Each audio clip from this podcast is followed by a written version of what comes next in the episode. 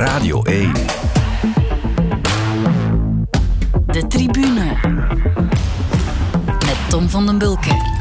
Een heel fijne avond en welkom bij de tribune. We hebben andermaal een uur gevuld met veel stof tot discussie voor ons liggen. En dat stof zal met zwier weggeblazen worden door twee gasten die het goed kunnen uitleggen. Goedenavond Renaat Schotten en goedenavond Wim de Koning. Dag Tom. Tom. Wim, het is uh, zowaar al een tijdje zonnig hier bij ons. Dan denk ik aan de fietser Wim de Koning. Ja. Daar moet uh, met volle teugen van genieten. Klopt ook wel. Uh, ik heb een beetje gesukkeld met het uh, beestje dat uh, de ronde doet hè, ah, ja. en gedaan heeft. Ja, en het is wat moeilijk geweest om weer op die fiets te kruipen. Maar ik moet zeggen, in anderhalve week tijd zit ik nu toch al aan 600 kilometer. Ah, ja. Dus ja. Oké, okay, ik ging net vragen, hoeveel ja. trainingsuren draai je tegenwoordig ja, per week? Wat, ik combineer twee zaken. Hè. Als ik ga fietsen en ik doe het alleen, dan repeteer ik wat teksten, hè, Tom. Want ik speel dus een monoloog en ook een dialoog. Dus ik speel in, in twee producties. Theater. Ja, theater. Uh, maar die moeten soms wel eens uh, ingeoefend worden, uh, moet ik zeggen. En ik heb bijvoorbeeld vorige week donderdag heb ik uh, de ene gespeeld en de vrijdag nadien, dus de dag nadien de andere. Mhm. En dan moet je wel wat uurtjes op je fiets doorbrengen overdag om uh, de tekst toch nog even uh, ja, ja, maar je, je gaat me toch maken. niet vertellen dat jij door de straten rijdt al debiterend? ik moet zeggen, als, ik, als er niemand in de buurt is, durf ik het luidop doen. Echt? Alhoewel, dat pakt soms op je adem. Ja, toch wel wel uit. maar als er toevallig iemand je passeert, want ik rij niet zo snel als ik dat doe, want de twee combineren vergt wel wat concentratie. Maar soms passeert er mij iemand en, en dan kijkt hij wel wat raar. En ja, dat kan van, me voorstellen. Die, die, heeft een tik van de molen gekregen. Ja. Goed, waar, waar uh, zien we jou binnenkort in koers? Uh, voorlopig, uh, ja, door corona en door het feit dat er in mijn leeftijdscategorie veel gevallen wordt en dat daar nogal wat zware blessures bij komen, hè. Mhm. Uh, ja, is het al twee jaar geleden dat ik nog een wedstrijd gereden heb, maar het begint toch wel ferm te kriebelen, moet ik zeggen. Um, ja, en ik, heb, ik zag van de week dat er volgende week in Oost-Roosbeek, dat is niet zo ver van mij, een wedstrijd is en ik heb toch wel eens zin al om met een dagvergunning aan Ja. te zetten. Bij de OVWF heet dat dan, dat is dan de West-Vlaamse Bond. Allee, vooruit. Ja. Allen daarheen. Ja. Uh, Renaat, uh, Wim is alweer goed aan het trainen, dus jij hebt dan weer een week, een volledige week op een stoel gezeten. Ja, dat klopt. Ja. Parijs-Nice, het was de koers naar de zon. Het begon in de zon, het eindigde in de regen, maar het was, het was denk ik wel een super interessante week. Hè. Als je ziet wat er allemaal gebeurd is en ook op Italiaanse wegen. Het zijn geweldige wielentijden, Tom. Ja, heb jij dan niet nood aan een beetje beweging toch tussendoor? Wat, wat heb je eigenlijk nog gedaan qua sporten, vraag ik me af. Uh, vroeger, um, ja, ik, ik, denk dat ik in schoolverband zowat elke sport beoefend heb die er, die er dan aangeboden wordt in schoolverband. Um, Tegenwoordig loop ik nog een beetje en dat is een must. Als je op de motor zit, dan, uh, dan moet je toch ook een minimum aan fysieke paraatheid hebben. Ja, ja. En dat is dan lopen geworden, omdat je met uh, weinig lopen veel resultaat kan bereiken. Maar um, ik wil daar graag even op inpikken, want je zegt als je op die motor zit moet je een zekere fysieke paraatheid hebben. Is dat dan echt zo? Want je zou denken, ja, je hebt er toch maar op te zitten en verder niks. Als je van de motor stapt naar een, een klassieker of een rit in de Ronde van Frankrijk, dan ben je, als je alles gegeven hebt, compleet uitgewoond. Hmm. Leeg. Ja. Mentaal en fysiek ook. En dan ben je stokstijf en alles erop en eraan. En dan moet je even recupereren. Ja, ja, dat kan ik me voorstellen. En, en fysiek, omdat je je moet in die bochten mee bewegen, mee draaien. Uh, je bent ook de hele tijd bezig met rondje te kijken natuurlijk. Het is een combinatie, denk ik. Um, als je um, niet beweegt, ja, dan verstijf je letterlijk. En ik ben dan ook nog iemand die last durft hebben van de rug. Dus ik moet bewegen. Dit is een soort therapie terwijl ik op de motor zit. En um, ja, dat bewegen, dat, dat komt automatisch. Want je moet je in allerlei bochten wringen om zoveel mogelijk van die koers op te vangen. Want het is niet zo, in tegenstelling tot wat veel mensen denken, dat wij overal mogen rijden waar we maar willen. Er zijn heel strikte regels. In de Tour zou ik dat zelfs een keurslijf noemen. En daarbinnen moet je dan je ding doen. Ja, en zo kom ik hier eigenlijk tot een mooie onverwachte symbiose, namelijk Wim de Koning die oefent zijn teksten terwijl hij fietst en jij beweegt terwijl je op de motor zit. Mooi hè? Ja, heel mooi. Maar ik ben jaloers hoor, van, uh, van Renaat af en toe. Als Veel mensen daar, denken. Ja, als ja. hij daar, uh, ja, dat is toch de droom van iedere wielerliefhebber om daar op die motor zo dichtbij uh, die wedstrijden te volgen. Ja, ik moet zeggen dat, alleen ben ik niet jaloers door het feit dat je zegt van ik moet heel veel rondkijken, want ik heb een beetje last van bewegingsziekte. Misschien dat ik wel wel wat ongemakkelijk zou worden op die motor. Uh, maar, maar daarbij zitten zo dicht en, en, en ja, die koers echt wel ruiken en smaken. Ja, dat moet zet, geweldig zijn. Zet mij op de passagiersstoel in een auto en ik word autoziek. Maar ah, de motor nooit, nooit, nooit. Ah, oké. Zou je nog van job willen veranderen, Renaat? Uh, bedoel je?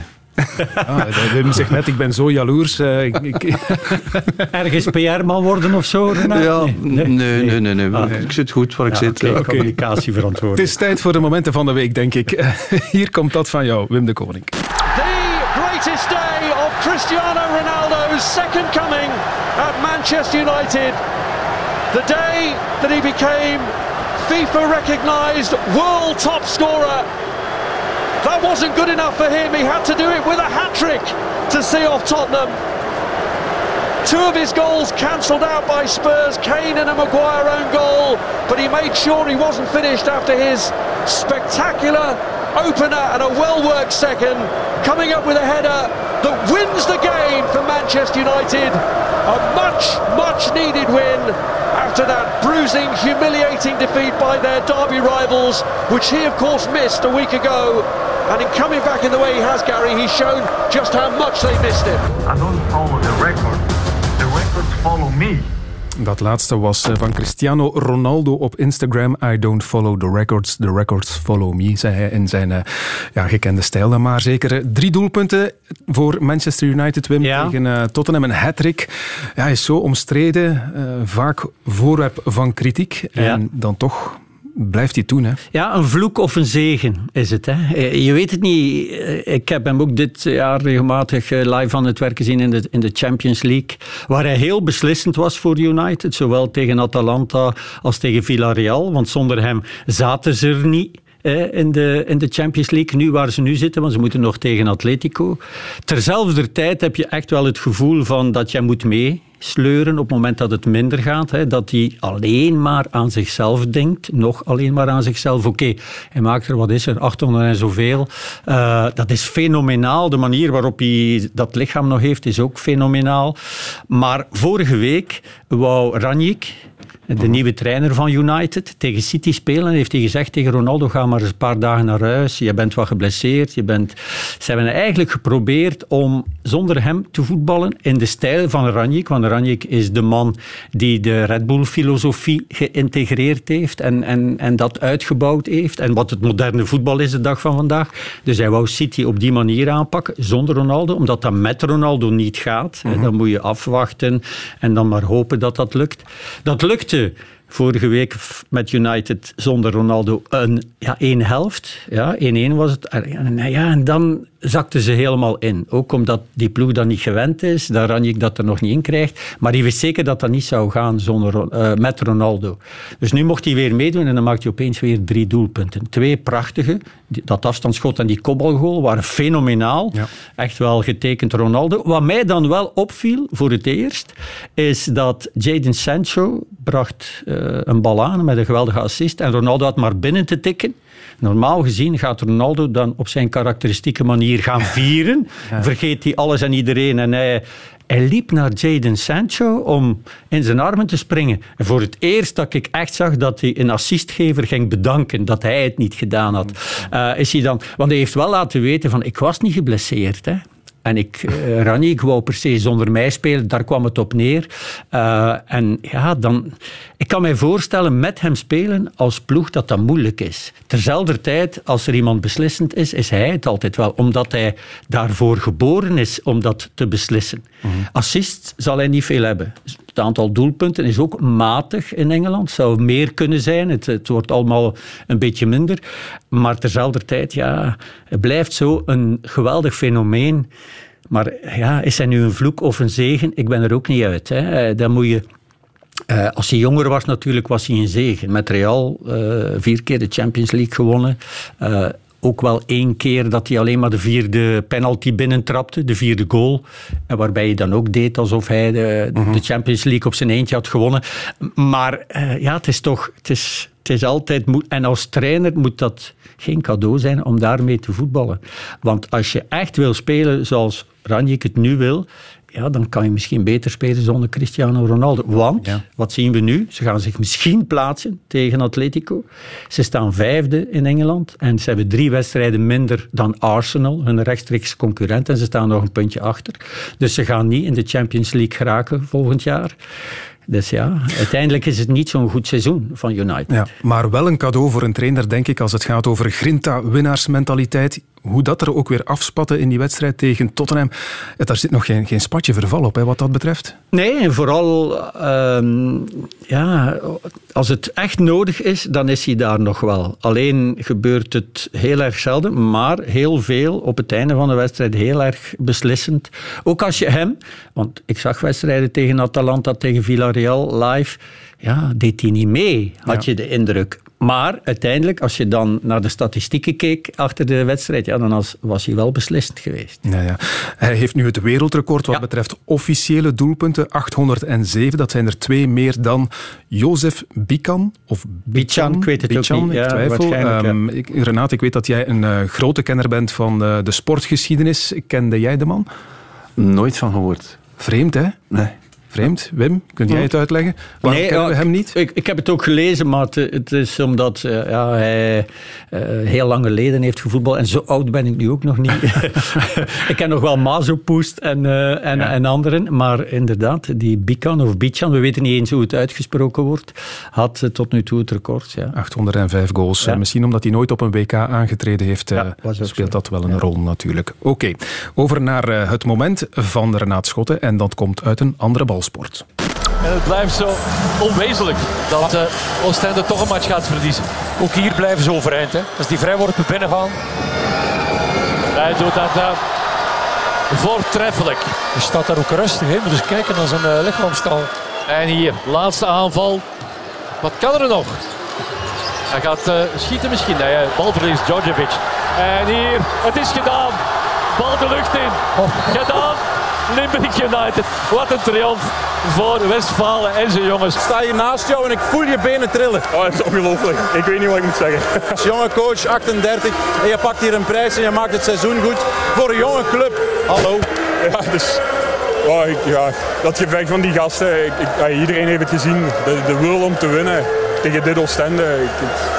Ja, chapeau naar mijn gasten, echt on, onvoorstelbaar. Dit had niemand zien aankomen, denk ik. Limburg United won de bekerfinale in het basketbal van het ongenaakbaar gewaande Oostende. Waarom heb je hiervoor gekozen? Ik heb iets met basketbal, het zal je misschien verbazen. Uh, in de jaren negentig uh, heb ik nog uh, basketbal verslaan. En, uh? Ja, ik was interviewer van uh, play-off wedstrijden, bekerfinales. Um, ik uh, sprak uh, samenvattingen in voor een magazine genaamd NBA Action. Ik heb een paar keer de illustre basketcommentator Erik Goens vervangen. Uh -huh. En dat, dat heb ik een, um, ja, een seizoen of twee gedaan. En jarenlang s'nachts opgestaan om naar de NBA te kijken ook. Um, ja, dat is een oude liefde, maar helaas een beetje verwaarloosd. Ja. En toen ik gisteren op de terugweg was um, van, van uh, Brussel naar Parijs-Nice, dan hoorde ik die wedstrijd en dan dacht ik, oh, wat gebeurt daar allemaal? En ja, dan, dan ben ik thuisgekomen en, en toen ja, bleef het maar duren natuurlijk door, door het typische einde van zo'n basketwedstrijd. Dan ben ik toch nog naar binnen gegaan om het einde te gaan bekijken. Maar ondertussen was ik eigenlijk een beetje in shock, omdat dit het schoolvoorbeeld was van afgaande op wat ik allemaal gehoord heb. Het was gewoon een schoolvoorbeeld van de coach die zijn ploeg in de steek liet. De bondscoach bovendien, de coach van Oostende, die dan ja, naar de tribune verwijzen wordt. En op, op dat moment gaat Oostende kopje onder. En dat is eigenlijk ongelooflijk. Ja, ik zat me tussendoor heel even af te vragen, wat is dat met die wielermannen die ook een liefde hebben voor basketbal? Want Christophe van der Goor, Karel Bertelen, die, die hebben dat ook. Hè? En jij dus ook. Basketbal is gewoon een geweldige sport. Hè? Ja, een geweldig ja. kijkstuk. Um, ik ben ooit um, op reis in Amerika geweest, ergens midden in de jaren negentig. En ik was erin geslaagd om mij te accrediteren voor een NBA-wedstrijd. Uh, de Lakers tegen de Clippers. Mm -hmm. En toen kon je daar gewoon met je pasje in de locker, in de kleedkamer binnengaan. En dan stond ik daar dan naast Shaquille O'Neal. Ja, formidabel. Hè? Um, die overwinning van Limburg United op Oostende, je zegt hè, de coach die zijn team in de steek laat, maar is het ook de charme van de beker en de charme van de, van de sport ook wel nog, dat David nog altijd op een bepaalde dag Goliath kan verslaan? Ja, inderdaad, hè, natuurlijk. Hè. En de buzzer, dat was trouwens de naam van hem, ook een een magazine, basketmagazine Weilen, dat niet meer bestaat. Dus die sport, ja, als je erbij blijft, kan je op het einde met één korf nog de hele boel veranderen. En de 3x3 in, in, uh, in Tokio, dat heb ik ook gevolgd hè, terwijl ik daar was. Mhm, mhm. ik, ik was daar verslingerd aan. Ik moest de 3x3 zien. Maar het is veel moeilijker om in basket met een verrassende uitslag te komen. Het is meestal de betere ploeg die wint. In voetbal moet je soms maar één keer overkomen, maar in basket moet je wel blijven scoren. Ook als je die wedstrijd wil winnen. En ja, ik ben ook een basketliefhebber en ik zie Jerza ook altijd bezig. En, en als ik die bezig hoor roepen en sleuren, en uh, ook als het goed gaat en ook als het niet goed gaat, dan denk ik, wat heeft hij gisteren uitgespookt dat hij in de tribune is gevlogen? Want ja, die mens maakt zich altijd boos. ja, zowel tegen de scheidsrechter, tegen de, tegen de, de tafel als tegen zijn spelers. Ja, wat heeft hij dan gisteren gedaan? Dat hij anders heeft gedaan dan anders. Hij stond wel op een gegeven moment acht punten voor, dat heb ik gezien. Eh, ja, ze zijn nog teruggekomen. En dat is wel heel erg knap van Limburg United. Maar ja, hij heeft niet meer kunnen coachen op het einde natuurlijk, omdat hij daar in de tribune zat. Maar ook geen idee ik, wat hij geroepen heeft of wat hij gezegd heeft. Maar het zal de moeite geweest zijn. Want ja, de, die, die refs kennen hem toch wel. Zou af en toe kunnen helpen, denk ik. Absoluut. De tribune. Terug naar voetbal, want afgelopen week hebben we een van die Champions League-avonden beleefd die we niet snel zullen vergeten. De exit van Paris Saint-Germain in het Bernabeu-stadion van Real Madrid. De supporters van PSG zijn het zat, want op Mbappé na kreeg de sterren zondagavond bij hun voorstelling tegen Bordeaux een streamend fluitconcert over zich heen.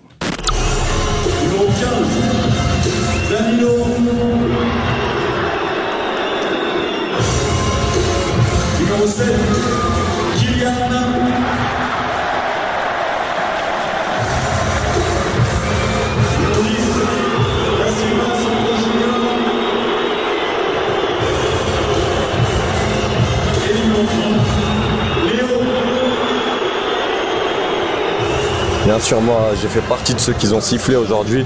Je me suis cassé la voix même à insulter certains joueurs parce que ce qui s'est passé là contre le Real, c'était une mascarade. Ça me dégoûte un Real comme ça qu'on a dominé pendant trois mi-temps sur quatre. Il nous élimine à la fin en 10 minutes. C'est triste. Il y a, y a, un grand ménage à faire au club, que ce soit sur les joueurs, que ce soit dans la direction. Tu penses à quel joueur? Les joueurs, il y a Neymar, moi pour moi, j'en veux plus. J'aime pas le personnage. J'ai l'impression que il nous, il, se donne pas à fond. C'est un joueur de poker pour moi. Il y a des mecs comme Draxler, Kurzawa.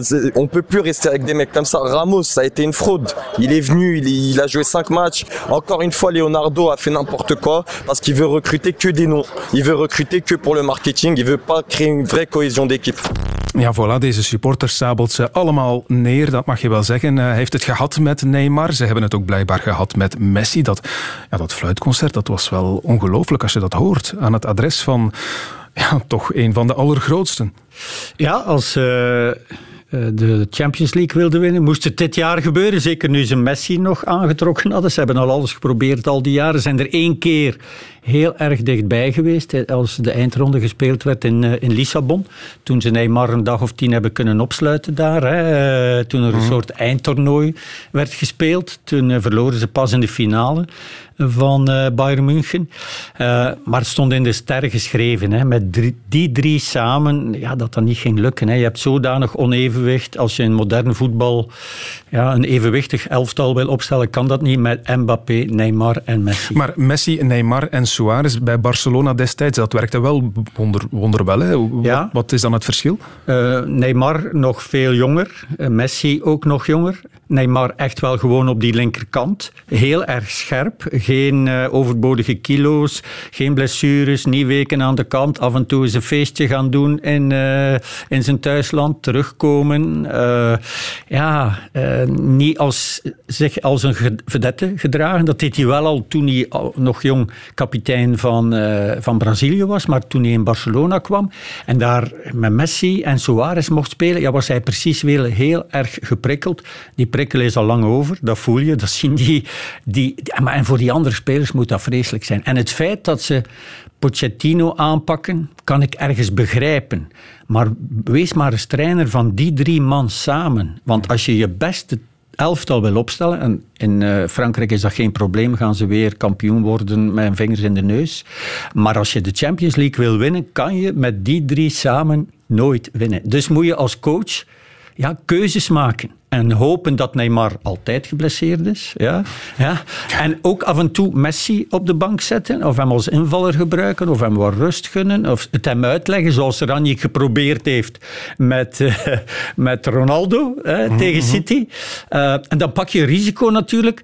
Maar je kan met die drie in dat onevenwicht, en vooral Mbappé, die wil wel gaan verdedigen en die wil wel zijn moderne taak gaan doen als aanvaller, die eerste druk gaan zetten en desnoods terugkeren, dat kan hij allemaal wel. Maar als die twee het niet doen, dan denkt hij ook van, ja jongens, vergeet het maar. Hè. En speel daar maar eens achter als middenveld, speel daar maar eens achter als defensie. Plus, tegen Real Madrid toch niet de beste ploeg van de wereld voor het moment. Oké, okay, in Spanje steken ze er wat bovenuit, maar niemand die denkt dat zij nog de Champions League kunnen winnen.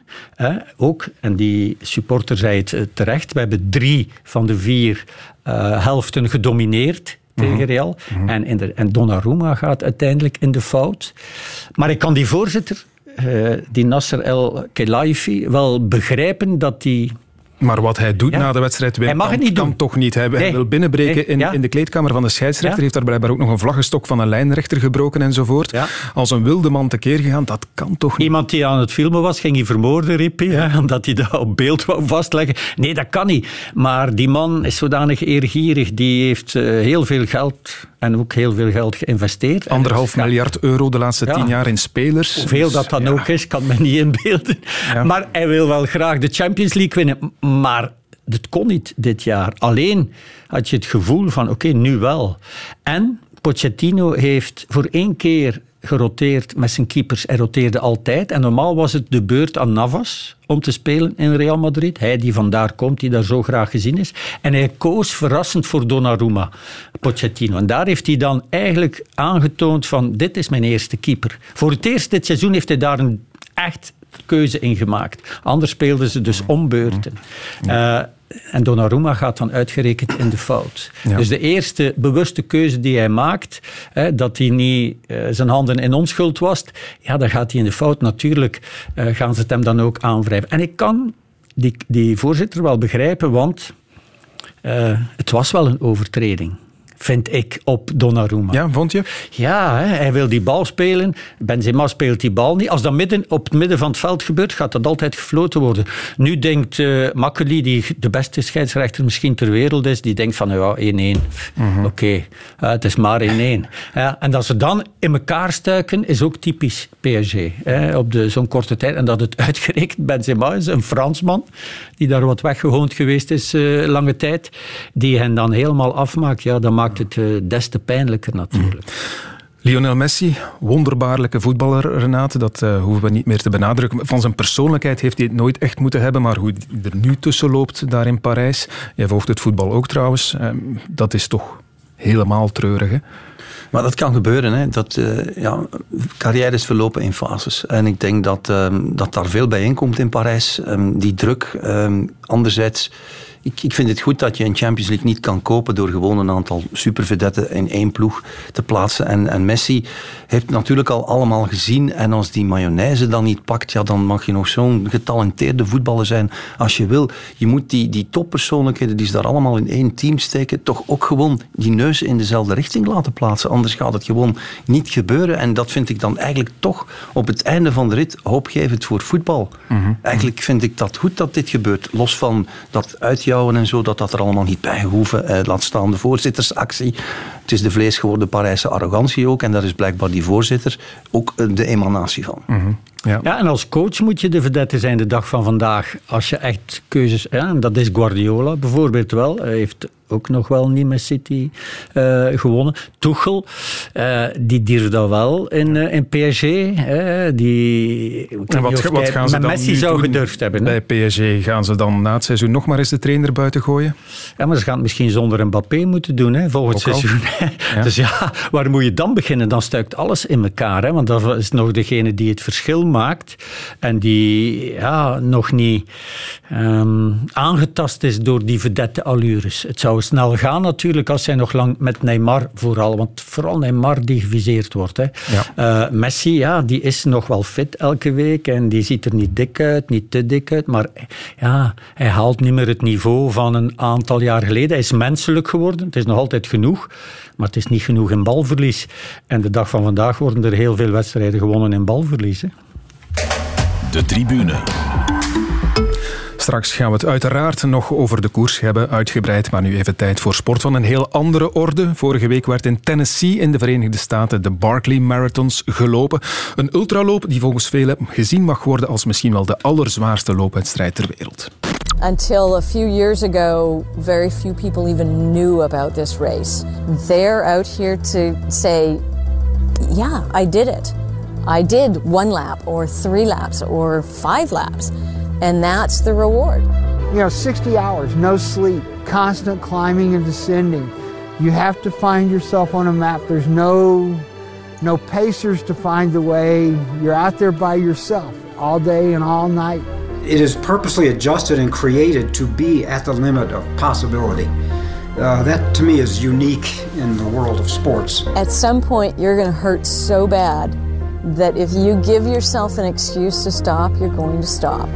So there can't be any excuses. And it's, you know, at, at, at certain points, it's almost 100% mental. There's no physical really left. And it's just, can I push through this? Whatever I'm dealing with, can I push through what's left? De Barkley Marathons dus met aan de start dit jaar ook twee Belgen, Marijn Geerts en Karel Sabbe. En die laatste hangt nu aan onze lijn. Goedenavond, Karel. Je bent nog maar eh, net terug van dat loodzware avontuur en je hebt er al een werkdag op zitten als standaard, heb ik begrepen. Is dat waar? Dat klopt, ja. ja. Uh, en een drukke dag ook al, maar uh, ja, kijk, dat nemen we erbij. Ja, en was je, was je fris genoeg? Er zijn geen ongelukken gebeurd met de boor? er zijn geen ongelukken gebeurd. Laat me zeggen dat ik, dat ik toch twee extra koffietjes nodig gehad heb om om goed in vorm te blijven vandaag, maar uh, alles is wel prima verlopen. Ja, ja, dat kan ik goed geloven, want die Barkley Marathons, zeg ik dat juist trouwens? Um, ik, ga ja, je, ja, ja. ik ga het je zelf even laten uitleggen wat die nu eigenlijk precies inhouden. Ja, um, dus de Barkley Marathon is, is een ultraloop die al sinds 1987 plaatsvindt in, uh, in Tennessee in de Verenigde Staten. En uh, het concept is eigenlijk dat je vijf lussen moet afleggen van ongeveer 35 à 40 kilometer. Mhm. Uh, en voor die vijf lussen krijg je 60 uur de tijd. En, uh, dus per, les, per lus krijg je 12 uur de tijd. En als je die 12 uur niet haalt, uh, dan ben je uit de wedstrijd. En het concept van de wedstrijd is eigenlijk om een, een loopwedstrijd te maken die eigenlijk van in het begin al op de grens van het menselijk mogelijke is. Mhm. Uh, dus in die 35 jaar dat de wedstrijd bestaat, zijn er nog maar 15 mensen in geslaagd om de finish effectief te halen. Uh, en dat komt door de enorme hoogteverschillen die je moet overbruggen. Dus ondertussen is dat nu uh, 4000 hoogtemeters per lus. Mm-hmm. Dus als je hem effectief finisht, kom je al boven de 20.000 hoogtemeters uit. Uh, het is altijd vroeg in het voorjaar, dus heel zware weersomstandigheden. Je moet zelf navigeren met kaart en kompas. Je mag niets van elektronica bij hebben. Dus dat zijn allemaal zaken die zorgen dat het ja, eigenlijk uh, een van de zwaarste, of zelfs de zwaarste loopwedstrijden is ter, ter wereld. Ja, ja want uh, 20.000 hoogtemeters, dat is, ja, dat is meer dan twee keer Ja. de Mount Everest, hè, als, je, het- als je het een beetje Ja, wil visualiseren. Inderdaad, inderdaad. Ja. Ja, ongelooflijk. En jij bent wereldkampioen ultralopen, dus jij kan wel tegen een stootje. Mhm. Ja, Waar is het voor jou misgelopen? Om het eh, met een, met een eh, grappig woord te zeggen misschien. Ja, eh, voor mij is nu in de, in de vierde lus misgelopen.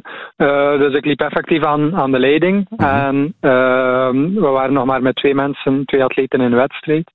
Eh, maar hetgeen dat is, ja, je zit al, al die uren te navigeren, na te denken, eh, te lopen. Je bent al een eerste nacht doorgetrokken. Ik was bezig met de tweede nacht. En ja, de, de hersenen en, en het nadenkvermogen, eh, dat gaat er enorm op achteruit. En zolang dat ik op het parcours zat, ehm, had ik alles onder controle. Maar op een bepaald moment had ik een verkeerde keuze gemaakt en was ik verdwaald geraakt. En dan had ik niet meer eh, de verstandelijke capaciteit om mijn fout te gaan corrigeren. En dan is het helemaal in het honderd gelopen, ben ik uh, van vermoeidheid beginnen hallucineren. En dan uh, ja, ben ik een paar uur later uh, opgepakt geweest door een politieagent die gelukkig de wedstrijd kende. En die zo braaf was om, om mij terug te brengen in, in veiligheid en, en, naar de start van de wedstrijd. Ja, ja je was ehm, blijkbaar maar, gezien door een aantal redelijk ongeruste buurtbewoners.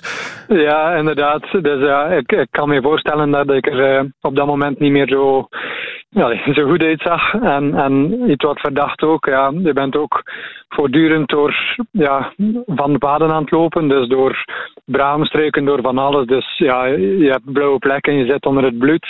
Uh, en, en zo was ik daar in dat dorpje aan het rondlopen. Uh, in het midden van de nacht. Dus uh, ja, ik kan me wel voorstellen dat die mensen eh, de politie belden. Ja, te meer ook denk ik omdat, eh, want dat heb ik toch gelezen, eh, als ze jou tegen een vuilnisbak zagen staan praten, is dat inderdaad gebeurd? dat is gebeurd, ja. Ehm, dus ja, mijn, allee, ik was zodanig vermoeid mhm.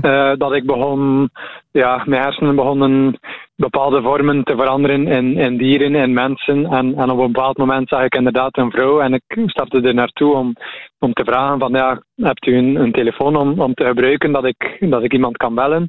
Uh, maar met dat ik begin te praten tegen die vrouw, verandert ze in een, in een vuilbak en had ik door dat het, uh, dat het helemaal geen vrouw was en, en dat ik uh, nog een stadium verder zat qua, qua hallucinaties. Ja, het is wel straf wat zo'n extreme inspanning doet met, met een menselijk lichaam en met de, met de geest dan ook blijkbaar vooral. Ja. Wat mhm. bezielt mhm. iemand om zo diep te gaan, om dit te willen doen überhaupt? Ja, um, het bleef een fantastisch avontuur en voor mij uh, is dat heel, heel fascinerend en heel interessant om ja, die limiet te gaan opzoeken en ook een beetje de limiet van het mogelijke. Dus ik heb naam gemaakt in, in het ultralopen en ik ben wereldkampioen ook. Uh, in, allez, in recordpogingen en, en heel vaak uh, als ik mij ergens toe zet, uh, ben ik succesvol ook. Maar de Barclay staat erom berucht dat, dat zoveel mensen falen. Mhm. En ik vind het een hele interessante les om ja, nog eens tegen limieten te komen met de grote kans van te falen. Om dan ja, sterker te worden nog als atleet en als, als mens. Uh, om er lessen uit te trekken en, en om te zien wat dat er gebeurt als ik ja, tegen mijn limiet zit en, en erover gaat. En uh, ja, het is natuurlijk ook een heel grote drijfveer om een van die 15, allee, of om de 16e finisher te worden. Het is ondertussen ook al terug mhm. vijf jaar geleden dat iemand de finish haalde. Dus het is natuurlijk ook een beetje de ambitie uh, om, om toch een van het selecte clubje te worden die erin geslaagd is van, van die extreme uitdaging tot, uh, tot een goed einde te brengen. Ja, dat kan ik me voorstellen. Het is uh, niet alleen een van de allerzwaarste ultraloopwedstrijden, maar ook een van de gekste, mag je misschien zeggen. Want ja. hoe begint de race ook weer? De organisator doet, doet een aantal dingen blijkbaar voor je van start ja, kunt gaan. Ja, ja, ja. Um, dus inderdaad, los van, van de fysieke en atletische uitdaging, is het ook wel een bekende wedstrijd door de frivoliteiten die er ook aanwezig zijn. Dus uh, het is bijvoorbeeld onbekend uh, wanneer dat het startuur is. Hij start ergens tussen middernacht en uh, smiddags de dag erna. -huh. En een uur voor de start blaast ehm, de organisator op een schelp. En dan weet je dat je nog een uur de tijd hebt om je voor te bereiden. En de effectieve start is dan ehm, de organisator die een sigaret aansteekt en dan mag je vertrekken. En uh, is dat echt zo? veel succes. Ja, ja, dat klopt. Zelf meelopen ja. zit er niet in dan voor die man, denk ik wel. nee, nee, nee. Hij was vroeger ultraloper, maar uh, dat is al uh, van een, een vervlogen tijd ondertussen. Ja, ja. En wat is dat met die bladzijden die je uit de boeken moet scheuren onderweg? Ja, ja. Um, wel, dus het was van in het begin een wedstrijd dat je zelf moest, moest navigeren uh, op kaart en kompas. Maar omdat er dan heel veel verwarring was van mensen die zeiden dat ze het parcours gevolgd hadden, maar eigenlijk zelf niet goed wisten wat dat ze precies in die bossen gedaan hadden, uh, heeft de organisator tot het idee gekomen van uh, boeken te gaan verspreiden op uh, strategische plaatsen op het parcours. Dus op het laagste punt in de vallei en dan daarop volgend het hoogste punt mm -hmm. op de volgende berg. En elke lus kreeg je een nieuw startnummer. En uh, de pagina die overeenkomt met dat startnummer moet je dan uit elke boek scheuren. En zo uh, kom je na 14 boeken terug met 14 pagina's aan de start. En dan geef je die af aan de organisator en bewijs je op die manier kijk, ik heb de lus correct gelopen en eh, ik mag uh, terug starten met de volgende lus. Dat komt er dus ook nog eens bij. Ik begin stilaan te, te begrijpen waarom in bijna 35 of 36 jaar er maar 15 mensen de finish gehaald hebben. Mhm. Ongelooflijk veel bewondering voor jou, Karel Sabbe, omdat je het al zo ver gebracht hebt. Wil je nog terug? Ja. ja, voor mij is het wel een, een onafhankelijke zaak. Uh, moet eerlijk zijn, momenteel sta ik nog niet te springen om al terug te denken over een, een terugkeer. Uh, maar ik denk eens, eens de wonden genezen zijn en, uh, en het lichaam uitgerust, uh, denk ik dat het al snel zal kriebelen om, om toch er terug voor te gaan en, en om mee terug in te schrijven voor, voor de Barkley Marathons. En als het zover is, dan wensen wij jou alle succes daarbij, Karel Sabbe. als we jou ergens tegenkomen en je bent tegen een vuilnisbak aan het praten, dan weten we gewoon dat je hard aan het trainen bent. Hè? Ja, voilà. Oké, heel succes en tot later. Ja, Dag. ja bedankt. Hè. Radio 1. De tribune. Jullie hebben met veel verwondering zitten meeluisteren, hè, zag ik. Ja, amai. Ja, uh, ik werd erop geattendeerd uh, toen ik uh, ergens van de week reclame zat te maken voor een etappe van Parijs-Nice. Zei ik van, ja, hier gaat het gebeuren vandaag. En toen kreeg ik op Twitter, ik weet niet hoeveel reacties van, nee, nee, het gebeurt in Amerika. Ja. De Barkley Marathons, dat wordt de sportgebeurtenis van de dag. En toen wist ik het en ben ik het beginnen volgen. En ja, ik vind het fascinerend. En ook ongelooflijk hoe het nu toch al heel snel al begint te denken aan de nieuwe deelname. En dat is typisch. Ja. Hè? Je vergeet het afzien vrij snel. Ja, hoe fris en monter hij ook al uh, klonk, ja, kon het ja. allemaal goed achter, uitleggen. Ja. Achter hoe ver en hoe diep hij is gegaan, hè, zou ik zeggen van dit nooit meer. Nee, nee maar hij zegt nee, nee, nee, ik wil wel de finish halen. En dan ook nog eens die jetlag bovenop die hij nu net uh, te verwerken gekregen heeft. Heel straf, Karel Sabbe dus. Zullen wij het dan maar met jullie, Renaat Schotten en Wim de Koning, verder over de koers hebben? Want we hebben twee belangrijke rittenkoersen achter de rug met om te beginnen Parijs-Nice. Een putsch in een zogenaamd vlakke etappe van Jumbo-Visma, openingsdag Paris-Nice, koers naar de zon. Kijk eens aan, wat is dit voor nummer van Jumbo-Visma? Wout van Aert, Primoz Roglic en uh, Christophe Laporte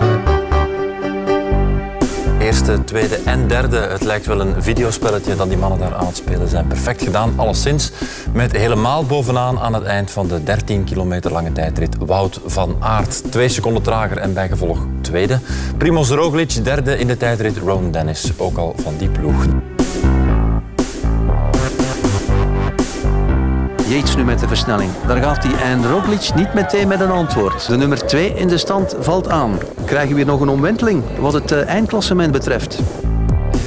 Quintana eraf. De Colombiaan moet hier gewoon de rol lossen door dernieman Wout van Aert. De slotrit in Paris-Nice is voor Simon Philip Yates. En de eindwinst die is voor Roglic. Really a big thanks to, to my whole team, uh, and uh, especially about uh, here at the end. Uh, half human, half motor. I would say Wout can do everything.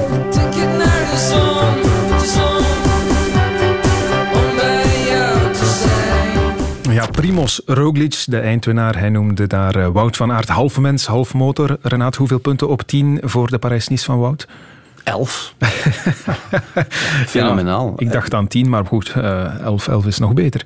Hij laat de donderdagetappe bewust lopen en hij was van plan om te laten lopen in de slotrit ook. Mm -hmm. um, en toen zag hij dat Roglic het moeilijk kreeg en, en achteraf zei ja, ik, ik heb dan alles uit de kast gehaald en ben toch nog weer kunnen aansluiten. En vervolgens zette hij zich op kop. Dat maakt zijn prestatie nog onwaarschijnlijker, vind ik. Want eigenlijk hij was op dat moment al uit de koers. Mm -hmm. Een paar seconden lang. En dan toch die knop kunnen omdraaien en dan nog bijna terugrijden tot bij Yates. Ongelooflijk. Hij heeft inderdaad op een bepaald moment in uh, Parijs-Nice, dat was ook zo voorzien, beslist om het te laten lopen, zoals jij zegt. Stel dat hij dat niet doet, had hij Parijs-Nice kunnen winnen? Dat is een hypothetische vraag. We gaan het nooit weten, Tom. En uh, ja, ja, ja, nee, ik, ik, kan er niet op antwoorden. Hè. Heel eenvoudig. Als je ziet wat hij doet in de laatste etappe, ik ben geneigd om te zeggen ja, maar anderzijds, hij, hij kan dat misschien doen omdat hij net twee ritten heeft laten lopen. Mm -hmm. De koninginrit naar de Turini en, en de donderdagrit, de twee ritten met het hoogste aantal hoogtemeters. Dus het is een niet te beantwoorden vraag. Maar ik vind het vooral ook knap dat hij zich aan zijn plan houdt. Namelijk, ik ga me niet de nek uh, afrijden. Zoals vorig jaar in Tirreno Adriatico. Dat is dan achteraf daar in elk geval van gemaakt. En dat is ook de verklaring geworden voor nou wat minder zijn in de Ronde van Vlaanderen. Hij houdt zich aan de uitgestippelde route en trekt zich op dit moment niks aan van een mogelijke eindzege in Parijs-Nice. En ik denk ook, gezien de fase waarin hij zich bevindt in zijn carrière, met dat afvinken van, van die, die monumenten die hij in eerste instantie wil winnen, dat dat ook de meest verstandige beslissing is. Want dat zijn de wedstrijden die hij in eerste instantie wil winnen. En dan pas gaat hij denken aan Parijs-Nice, mogelijk eindwinnaar à la Sean Kelly. Hij ziet dat dan als een soort extraatje. Dat klinkt misschien cru, maar ik versta dat vanuit zijn leefwereld. Hij droomt van de ronde. Hij wil Parijs-Roubaix winnen. Heeft Sanremo al gewonnen. Ik snap waar hij zijn prioriteiten legt. Mm Jumbo-Visma was ook als team heel sterk, ja. Wim. Um, die eerste etappe alleen al, waarin ze 1, 2 en 3 zijn. Idem dan in de tijdrit. Mm -hmm. Ja, uh, met een uitgekiend plan. Hè. Ze zeiden achteraf wel, nee, dat was niet de bedoeling. Maar ze hebben daar in die halve waaierrit dan toch wel Affini lang op kop gezet ja. en een Dennis. En waardoor eigenlijk iedereen in de wind zat. En, en zij kunnen wegrijden zijn en ook Stibar uiteindelijk uh, nog moest lossen. Um, daar had Wout eigenlijk ook normaal gezien moeten winnen, maar ze lieten het graag aan Laporte. Maar Renaat, ik denk, wat ik gisteren zag van Van Aert, ik vond dit straffer dan zijn zegen op de Ventoux. Of, uh, Echt? Ja, ik vond dit ongelooflijk straf wat hij gisteren deed. Van op 50 kilometer van de meet heeft hij de boel op sleeptouw genomen. Oké, okay, uh, Quintana, um, Martinez en, en Yates, die namen geen enkele meter over. Mm. Ook Roglic uh, zat makkelijk in het wiel. En dan dacht ik, oké, okay, die... Ja, goed, je kunt die eerste klim dan nog wel overleven. Col de... Penne of zoiets, ja, weet ik niet meer. Klinkt maar, smakelijk. Ja, maar op, ja, voilà. Uh, ja, een beetje uh, Italiaans zelfs. maar dan op de d'Aise dacht ik, en er zaten stukken in van 14 procent. En Yates ging dan aanvallen. En zoals Renaat zei, ja, hij liet lopen. En dan ziet je opeens dat Roglic in de problemen zit. En als hij Roglic niet helpt, ja, dan krijgt Jumbo-Visma daar een geweldige optater. Want Yates ging uh, Paris-Nice gewonnen hebben. Hè? Mm-hmm. Dankzij Wout van Aert. En Yates, of, uh, Roglic gaat iets terug doen. Het wordt een keer tijd dat Roglic iets terug doet. Hè? Maar het, is, het is nu aan, aan Roglic ja. om half mens, half motor te zijn. Ja, hè, maar, in, uh, ja voilà. En je, maar je had dan een keer iets kunnen terugdoen op een uh, WK waar Alaphilippe bijvoorbeeld uh, wereldkampioen werd. En waar hij ook geen halve meter... ja, hij kon dan ook niet meer op dat moment. En misschien is dat ook wel zo, want um, de dag voordien was hij nog geweldig. En gisteren gaf hij toch... Hij is dan wel derde, maar hij gaf toch tekenen van een, een bepaalde zwakte die je bij zijn landgenoot niet ziet. Nee, hij is, hij is, zeker niet zo goed als vorig jaar. Op dit moment, Roglic, want toen hij vorig jaar die drie ritten won in Parijs-Nice, voor hij in de slotrit twee keer ten val kwam, was hij volgens mij veel sterker dan nu. Maar goed, hij hoeft op dit moment nog niet 100% te zijn. Hè. Wanneer Roglic met één doel bezig is, en dat is die ronde van Frankrijk winnen, dan is dit eigenlijk ook weer en passant even Parijs-Nice winnen. Dat is meegenomen, maar daar gaat hij niet op afgerekend worden. Iedereen rekent hem af op zijn verhaal in La Grande Boucle. Ja, maar dat wordt een heel erg moeilijk verhaal. Maar daar kan Met de tegenstand die er is. De collectiviteit van Jumbo-Visma kan dan misschien toch ietsje sterker zijn dan UAE op dat moment. En zo krijg je misschien toch nog, ik hoop dat dan hè, als verslaggever, ja. een open ronde van Frankrijk. Ja, daar gaan we het straks zeker nog over hebben. Nog één ding over Wout van Aert. Als je dan toch ja, één minpuntje moet gaan zoeken, komen we dan misschien bij zijn sprint uit die nog niet volledig top is. En dat is misschien niet onbelangrijk in het licht van Milaan-San Remo, want hij wordt in deze Parijs-Nice twee keer geklopt door Mats Pedersen wel. Hij sprint misschien wat minder, maar hij klimt zoveel beter. Want ik volg Wim wanneer hij zegt, ja, straffer dan, dan de Van Toerit uh, vorig jaar. Daar heeft hij inderdaad vanuit een ontsnapping uh, de zaak afgewerkt. Terwijl hier reed hij met de andere klassementstenoren gewoon gelijke tred. Paf, rijdt Quintana naar huis. Dat is wat overdreven, maar doet de Colombiaan lossen. Dat is inderdaad uh, op klimgebied fenomenaal wat we gezien hebben. En als die sprint dan een beetje minder is op dit moment, is dat misschien een, gevolg van dat verhoogd klimvermogen. En dat kan hem dan van pas komen om het geweld van van uh, Pogacar te volgen op de Poggio. Maar, maar dan moet je afvragen, moet hij dan beter klimmen of moet hij net die sprint blijven ja, als primordiaal pakken? Want hij, is wel een wapen, hè? Ja, want uh, hij gaat in de ronde in, in Roubaix, eh, noem maar op, eh, in de Amstel. We hebben het al gezien, ook in uh, de Olympische Spelen. Als je met een klein groepje naar de meet gaat, ja. dan wordt hij wel eens geklopt als je denkt van, hmm, hij kan massasprints winnen, maar in zo'n klein groepje wordt het dan weer net wat moeilijker. en met Pedersen lossen... Nee, nee, nee, ver van. nee. maar hij raakte wel twee keer niet over Pedersen, inderdaad. Dat was, dat was toch wel verrassend, vooral omdat hij vanuit het wiel mocht komen. Pedersen die wel al heel sterk is, ook op dit moment van in eh, de ronde van Bessèges al. Dus uh, dat wordt een factor om rekening mee te houden, denk ik. En Pogacar, ja, snel klimmen inderdaad, Renate, is uh, zeker aan de orde, want die doet straks ook mee in Milaan-Sanremo. Gaan eens luisteren naar Wout van Aert, onder meer over die Pogacar. In principe zit het zware werk er nu op en uh, is de bedoeling om hier uh, van te herstellen.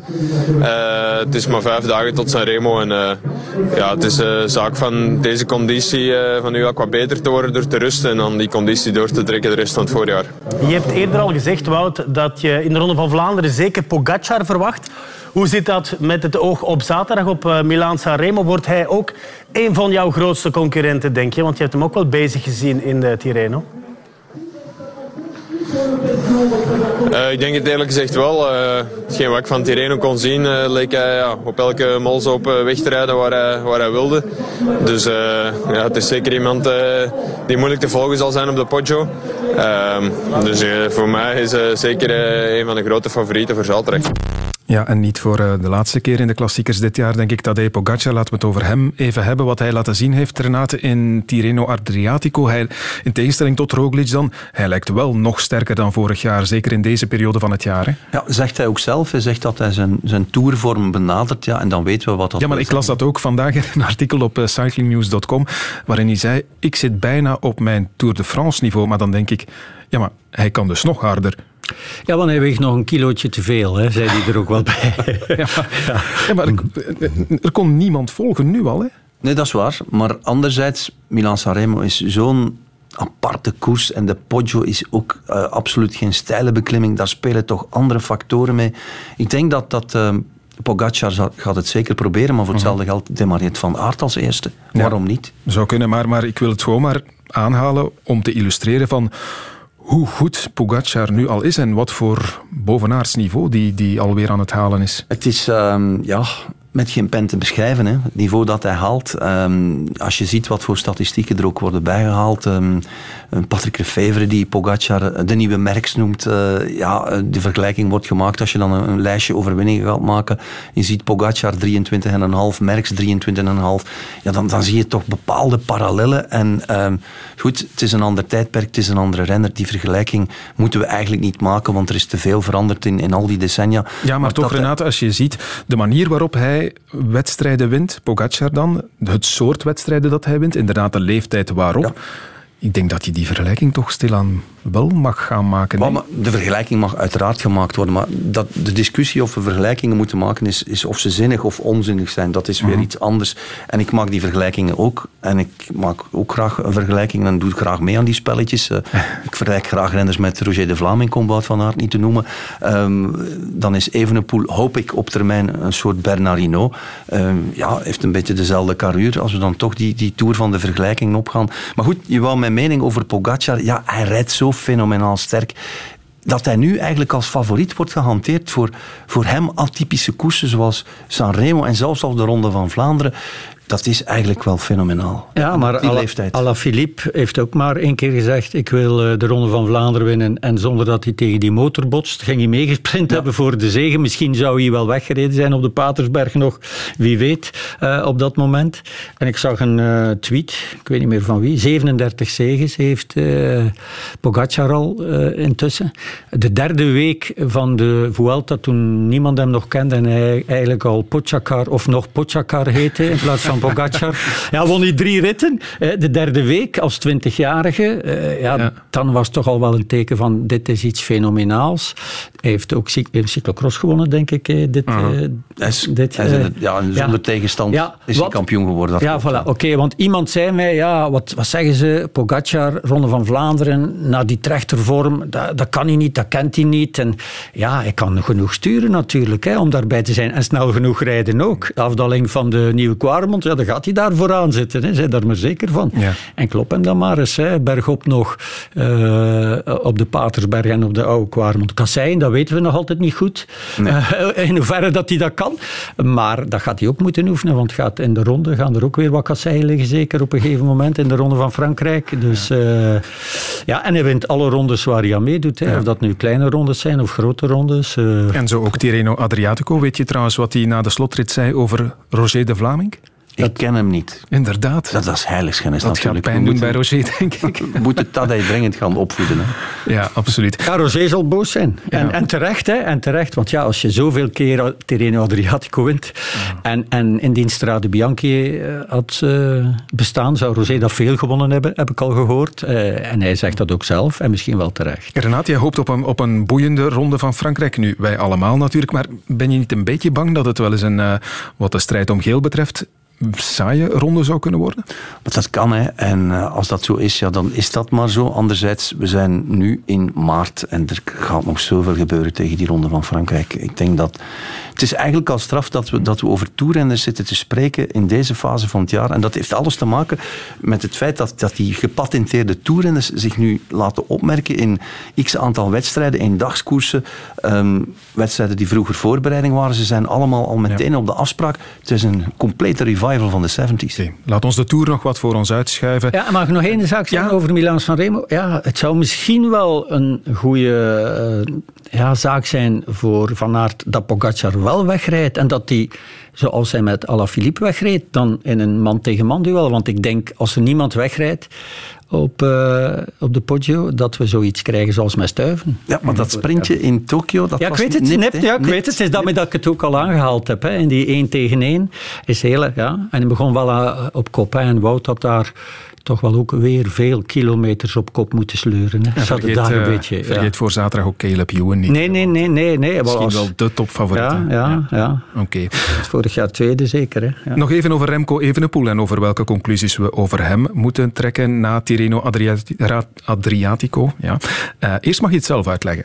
Verrassing denk ik wel. Uh, ik had echt wel goed gewerkt en ik was echt wel op schema om gewoon proberen hier een, een podium te rijden. Dus het was echt wel, wel uh, toch wel een teleurstelling gisteravond om, uh, om dat te moeten te verwerken. Maar ja, vandaag is een nieuwe dag en hebben we een nieuwe kans met Kev. Dus ik moet snel de knop omdraaien. Maar ja, het is sowieso wel even een, toch wel een klopje om mee te nemen naar de, de, komende weken en koersen. Maar ik hoop dat ik eruit kan leren en dat ik misschien dat we iets vinden waardoor dat ik het misschien uh, kan vermijden in de komende koers.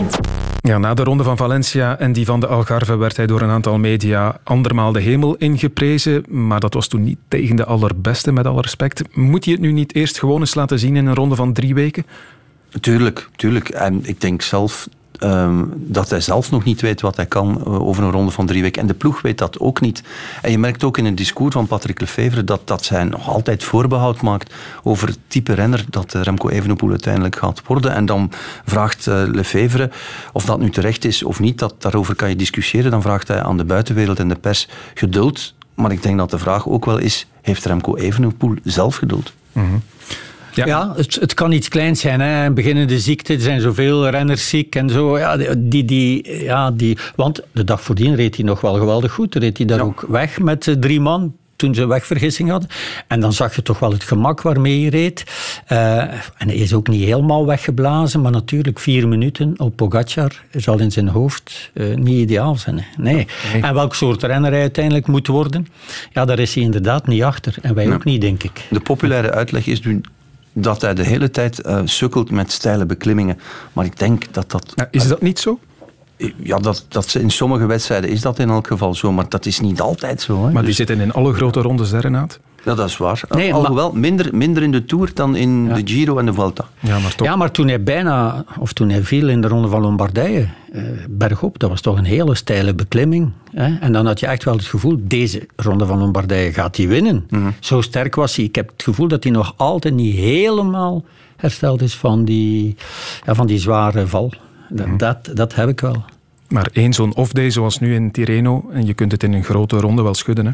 Maar het is een momentopname. Hè. Ik, ik vind, allee, hij gaat de Ronde van Spanje rijden. Laten we dat het grote ingangsexamen noemen. En laten we daar vooral niet wachten op uitslagen of podium en wat weet ik nog allemaal. En natuurlijk zal er getoeterd worden en is een kandidaat eindwinnaar. En dat is de hype rond Evenepoel.